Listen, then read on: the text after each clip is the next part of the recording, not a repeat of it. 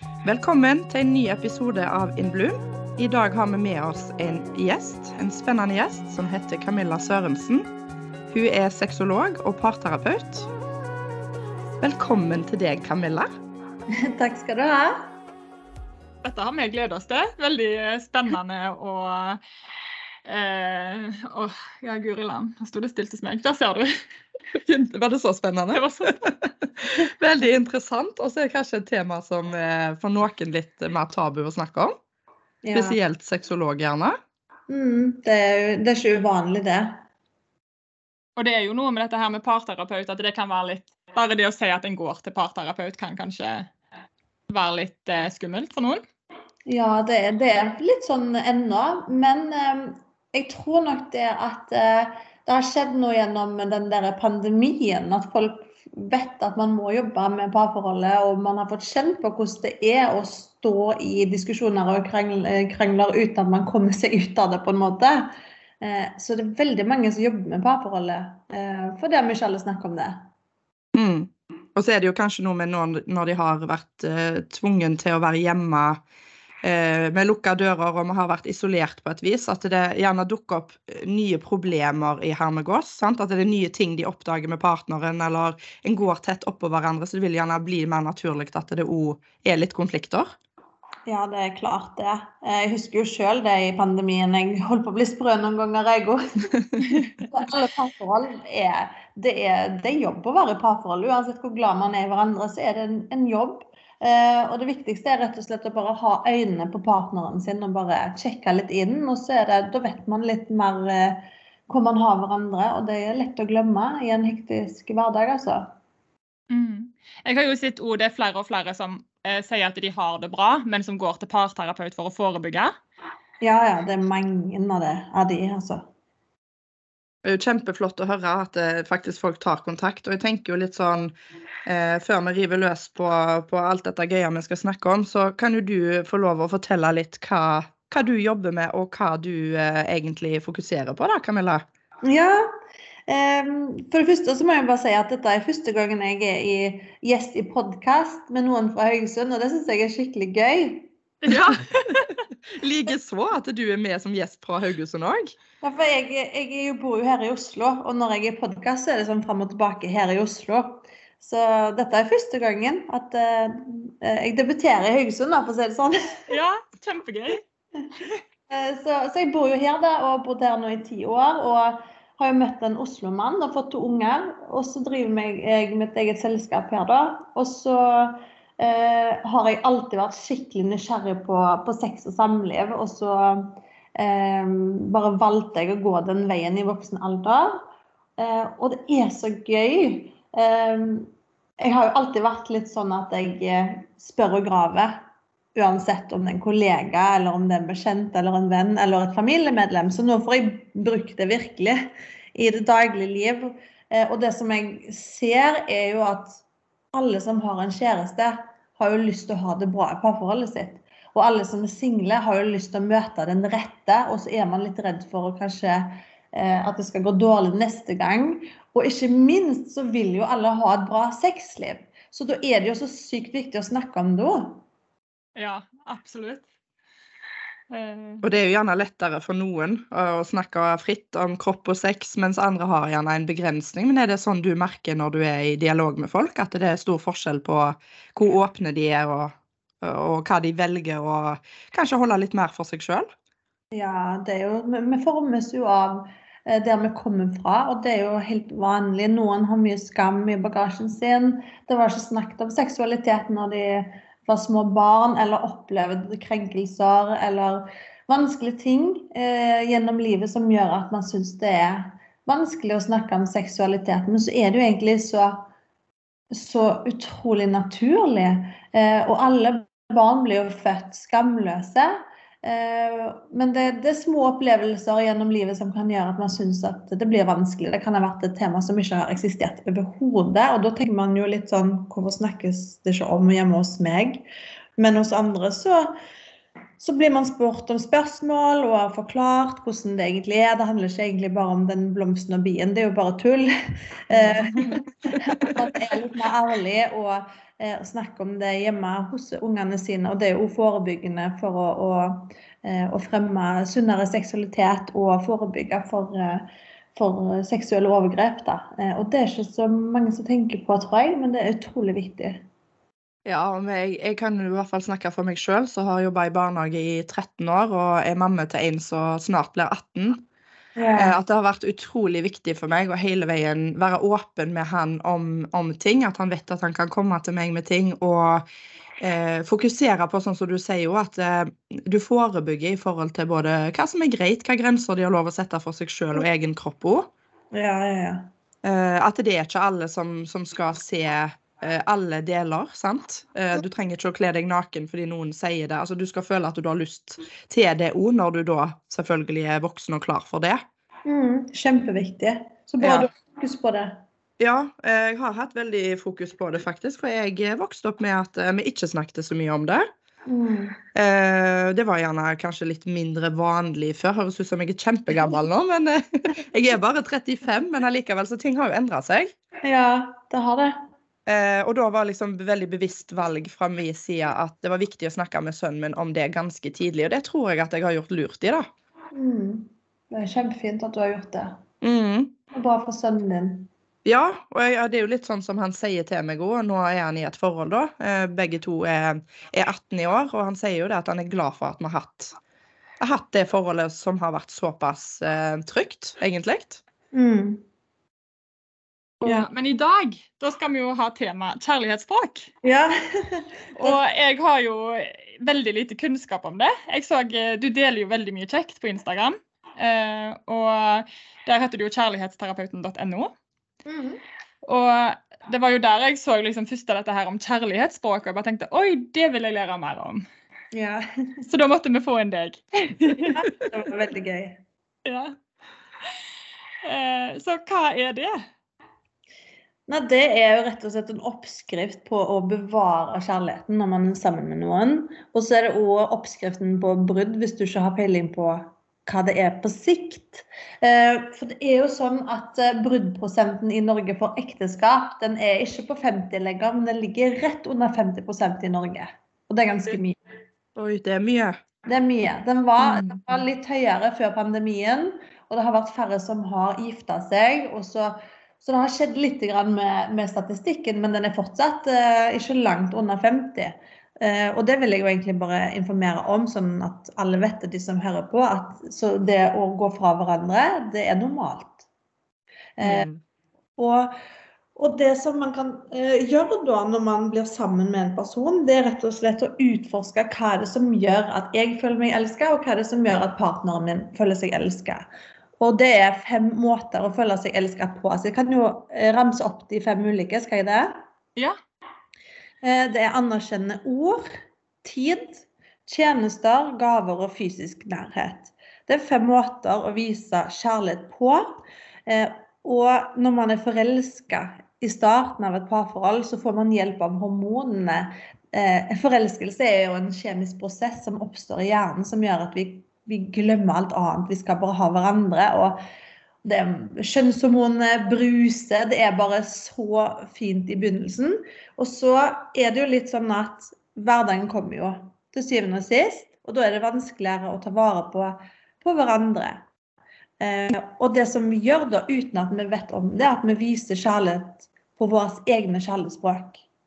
Eh, så når jeg har par i parterapi noen ganger, så kan det hende at noen sier til meg sånn Jeg føler meg ikke elska.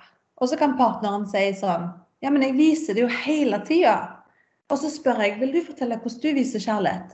Og så sier han kanskje ja, jeg støvsuger jo, og jeg går ut med søppelet når du er syk, eller jeg kommer hjem med en sjokolade som du liker. Og så sier hun ja, men det får jo ikke meg til å føle meg elska. Du må si det til meg at du elsker meg. Og så er bare Aha, OK. Så ord, det gjør at du føler deg elska. Og tjenester, det er ditt kjærlighetsspråk. Så da, finner vi jo ut av OK, dere snakker jo bare forskjellige språk. Ja, for vi- begge deler er jo en form for kjærlighet, sant? Ja, det er Ja. det. Mm. Men det er det er ikke deres språk.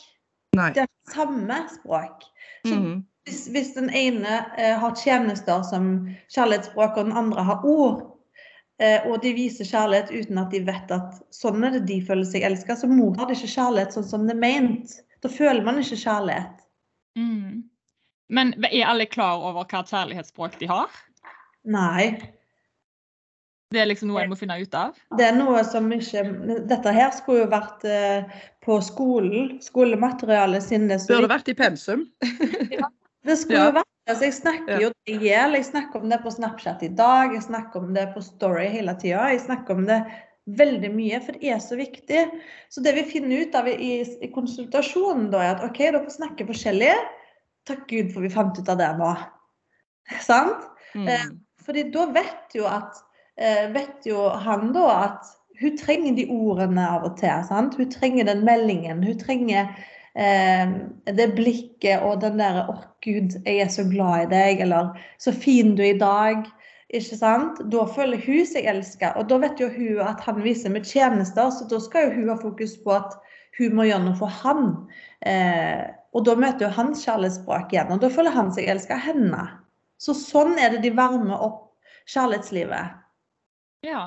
Ja, så Først må de altså bli litt mer kjent med eget språk, altså hvordan deres kjærlighetsspråk er. Og så må de jo på en måte flette det inn med eventuelt partner. Eller om du så er singel, så er det jo en form for kjærlighetsspråk når du er i dating og Ja. eh, sant? Når du er i den der startfasen nå, så er det jo ting Du blir jo kjent på en måte, eh, både med det sånn som du sier, ta og føle på, eh, gi gaver, tjenester. Og så er det noen som ikke skjønner at det jo er en gest.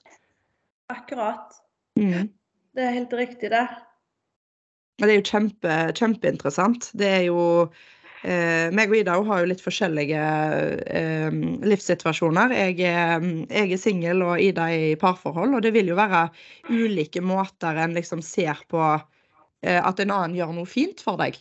Mm. Ja. Sant? Så vi minner jo hverandre litt på av og til at men det var jo fint gjort. Og så ja, det var kanskje det, for da har gjerne ikke tenkt over det. Mm. For det er jo sånn en lærer seg å kjenne òg. Ja, det er det. Men en kan vel òg ha litt av Altså litt av alle de her Ja. kjærlighetsspråkene? Ja, og jeg har òg laga en gratis test som man kan ta som ligger på min nettside. Eh, og der kan man eh, ta ulike eh, disse spørsmålene her, og så vil man jo se at man har lyst til å svare på litt av alle, men man skal svare på den man kjenner seg mest igjen i. Så det er veldig vanlig å ha litt av alle, men man har gjerne ett primært som er hovedspråket ditt, det som er livsnødvendig for deg å bli møtt på. Og så har man gjerne et sekundært som er litt mer flytende, som også kan endre seg etter livssituasjonen. Og mitt, mitt primære er jo anerkjennende ord. Jeg må ha ord, jeg. Eh, men eh, mitt sekundære var jo tid før, og nå har det blitt tjenester. Ja, så det har endra seg litt. Ja, og det tror jeg er fordi jeg fikk barn. Ja. Det skjedde noe da. ja, det er jo en ærlig sak. Så det flyter litt mer. Og så kanskje det endrer seg litt når vi blir eldre og utvikler oss òg. Tror du ikke det? Absolutt. Altså, nå har jeg Mm. det at når dattera mi er ett år, så begynner fysisk nærhet å bli ekstra viktig for meg igjen. Mm. Ja. Så det, det er litt sånn flytende. Mm. Jeg vet ikke hva dere tenker. jeg.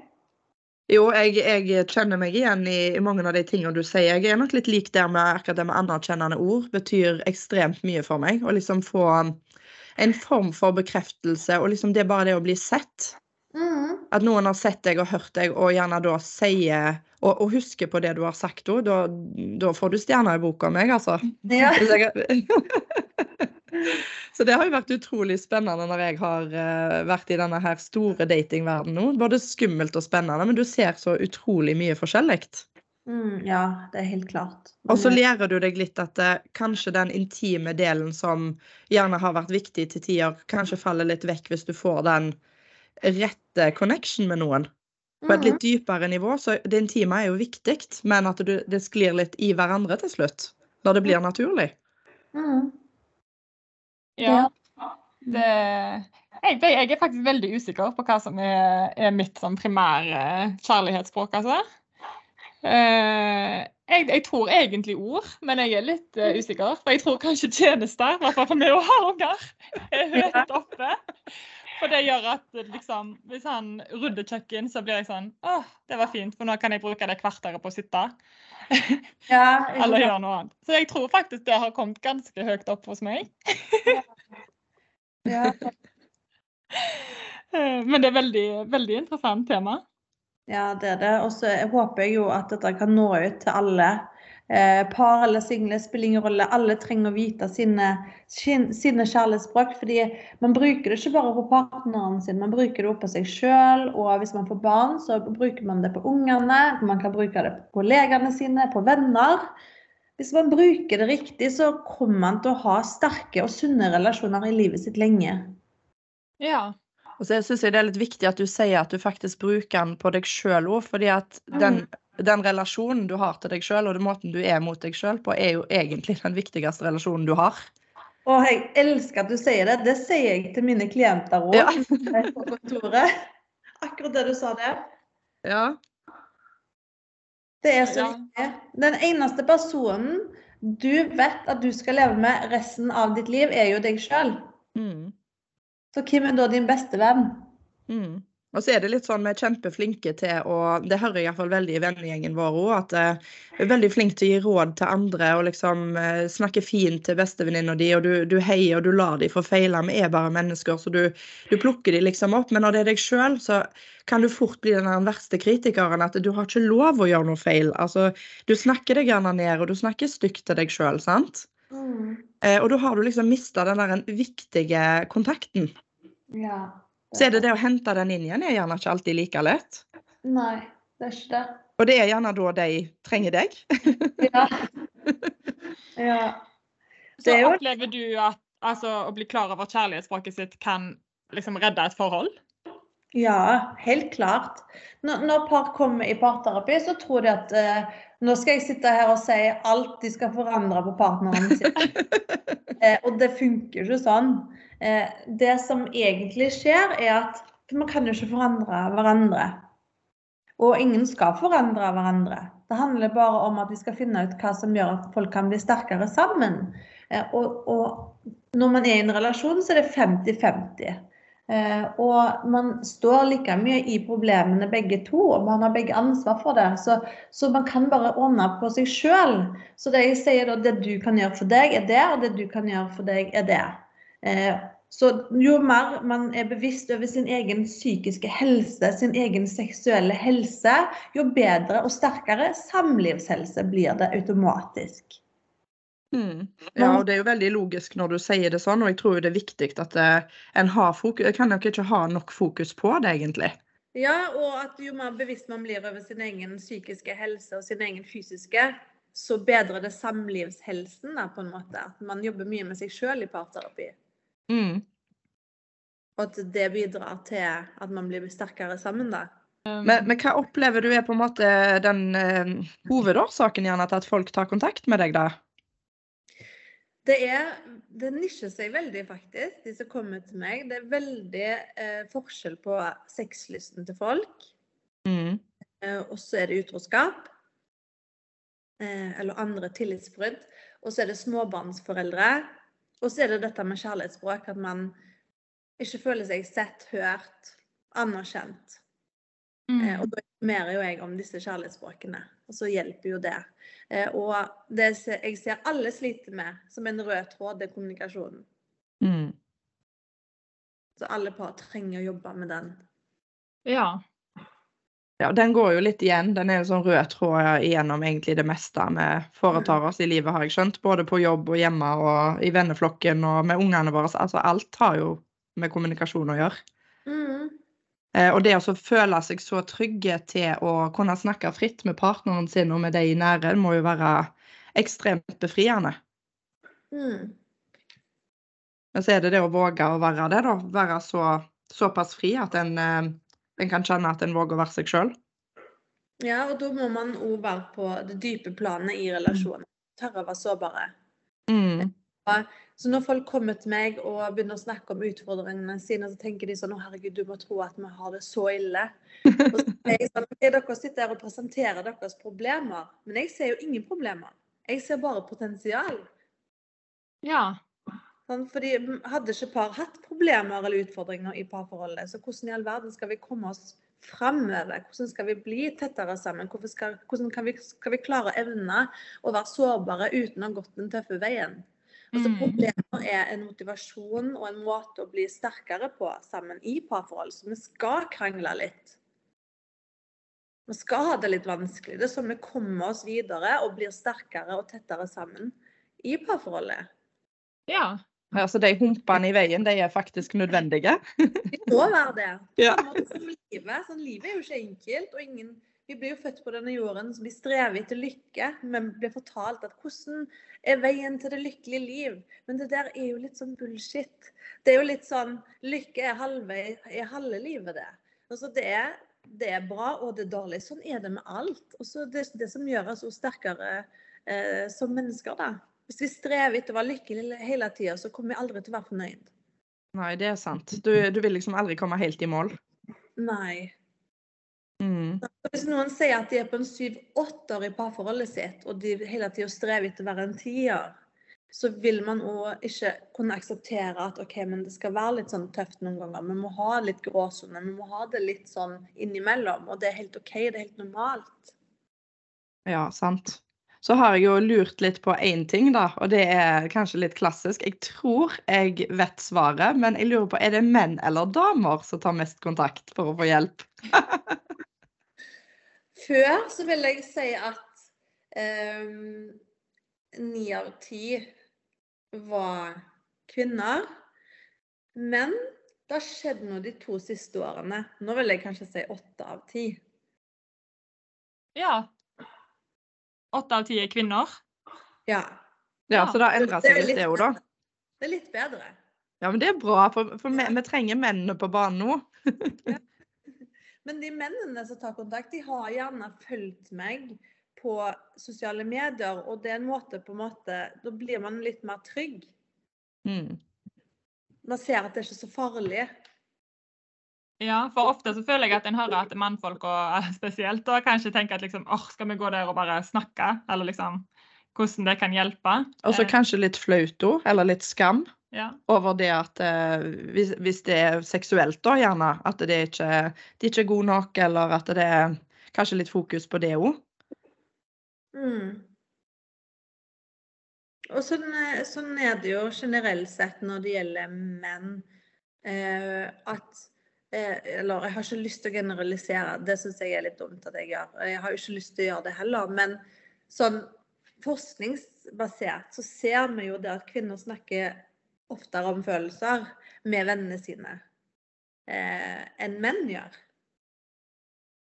Og da blir det jo litt sånn nå, når vi skal snakke med en fremmed person utenfor parforholdet, skal vi snakke med en person jeg aldri har møtt før i hele mitt liv, om det næreste og vanskeligste vi står i. Mm. Så jeg har veldig mye fokus på eh, Uavhengig av hvilken kjønnsidentitet, så har jeg veldig mye fokus på den personen som jeg ser er mest stille og mer tilbakelent. Jeg passer veldig godt på at begge får like mye plass, og starter ofte å snakke med den som ser mest introvert ut. Mm. Sånn at den personen blir uh, fortere trygg. ja. Det jo, vi har jo 30 lytterne våre er jo menn. Oi, såpass! Ja. Så det er jo ganske kult. Så de mannfolka som hører på her nå Det er ingen skam å snakke med parterapeut eller sexolog. Det, det er bare bra. Ja, det kommer ikke noe vondt ut av det. Det kommer bare godt ut av det. Det vil smitte positivt på enten sexliv, kommunikasjon, alle disse delene som man savner. Fordi når folk kommer til meg, så spør jeg sånn Har du det sexliv du drømmer om akkurat nå? Mm. Og man kan jo alltid bli litt bedre i sexlivet sitt, kan man ikke det da? Så, så det, er, det er lite eh, informasjon der ute å hente om sexliv. mm. Så hvorfor ikke da oppsøke en sexolog som kan hjelpe med det? Mm. Og sånn som du sa med kjærlighetsspråkene, så får jeg i hvert fall inntrykk av at det kan være en sånn fin plass å begynne. Mm. Eh, og at det gjerne kan føre til at en er litt mer avslappa og kanskje også får mer lyst og mer tid, og setter av tid til hverandre og ser at det, hvor viktig det er. Mm. Og ikke bare selve økten når en har sex, men at det liksom, en har det der en viktige nære rundt det. Ja, ja, helt klart. Hvis man har anerkjennende ord som, som et hovedspråk, da, for eksempel, så blir jo de ordene de går jo rett inn i hjertet. Og det er jo Mm. klart med lysten. Mm. Eh, og, og hvis man får den gaven, eller så Se på det som et beger. da, Vi har jo et kjærlighetsbeger. Og når det fylles, så smitter det over på, på det intime man har, som kan være sexlivet, da. Men sånn som i småbarnslivet, eksempel. altså, um, føler, altså Samfunnet er jo veldig travelt. Altså Det er så mye en skal og Opplever du at det er spesielt i småbarnsfasen at det, det par spriker fra hverandre? Eh, Småbarnsfasen, og så er det de som jobber i helsevesenet. Jeg har jo veldig mange fra helsevesenet. eh, Sykehus og sånn. De har travle jobber. eh, Og gründere spesielt. Men òg småbarnsforeldre. Eh, Og det med småbarnsforeldre er jo det at du, du får ikke dekt alle disse primære behovene, som å gå på do og spise når du vil. Eh, det må jo være på stell for i det hele tatt få lyst til å omfavne partneren din, eller ha sex, ikke sant? Mm. Eh, Så det vil jo bli Det er jo helt eh, normalt at sexlivet blir satt litt i, kanskje femte, sjette rekke. Eh, det er viktig å få i seg mat og, også søvn og, og ta litt vare på seg sjøl før man skal gi av seg sjøl. For man får jo dekket et oksytocin, eh, oksytocin eh, behov av barnet sitt. Ja. ja, for en kan jo av og til oppleve, på en måte, kanskje hvis en er mye med ungene, at en blir litt sånn eh, metta på nærkontakt. Ja. Helt normalt. Og det er jo sånn det skal være òg, dette er jo biologien som har skapt oss sånn. Du, du skal eh, ha Det skal være sånn, og det er helt OK, det. Og så vil det være en annen part, hvis man er i parforhold, som står her og ser alt dette her. Den dype connection man har med barnet sitt. Og jeg vil ha litt sånn kos. Mm.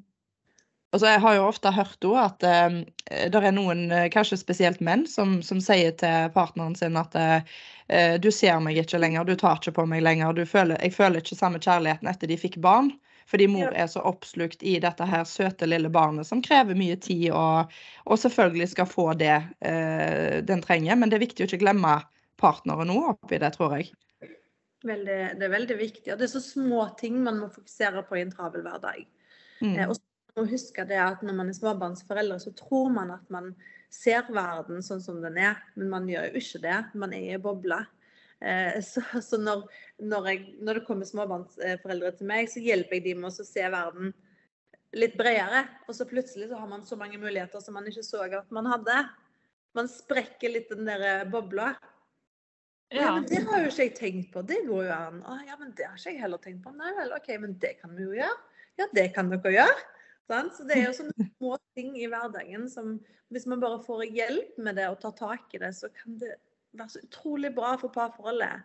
Eh, Men når de kommer til meg, så sier ikke jeg at nå skal vi ha fokus på parforholdet. Det er mer sånn fokus på deg sjøl først, og så har du mer å gi til parforholdet. Mm. Og noen ganger så kan vel gå andre veier òg, at de tenker at det er over, på en måte, og det blir brudd. Ja, det, det, det har ikke skjedd på lenge nå, men det skjer jo. Eh, Mm. Skjer, så er det fordi at de ikke skal være sammen, eller Mm. fordi at eh, det har gått så lang tid. De har slitt lenge. Og hjertet er ikke noe varme i hjertet lenger for den andre, f.eks. Nei. Og da er det jo kanskje en mer naturlig slutt. Ja, ja, ja. Mm. Noen, Ja, noen vet ikke at det er slutt før de kommer dit. Og så bare sånn Ja, nå har jeg gått og tenkt på dette her i to år. ja. Sant. Det har egentlig vært slutt lenge. Ja. Men- Ja. ja.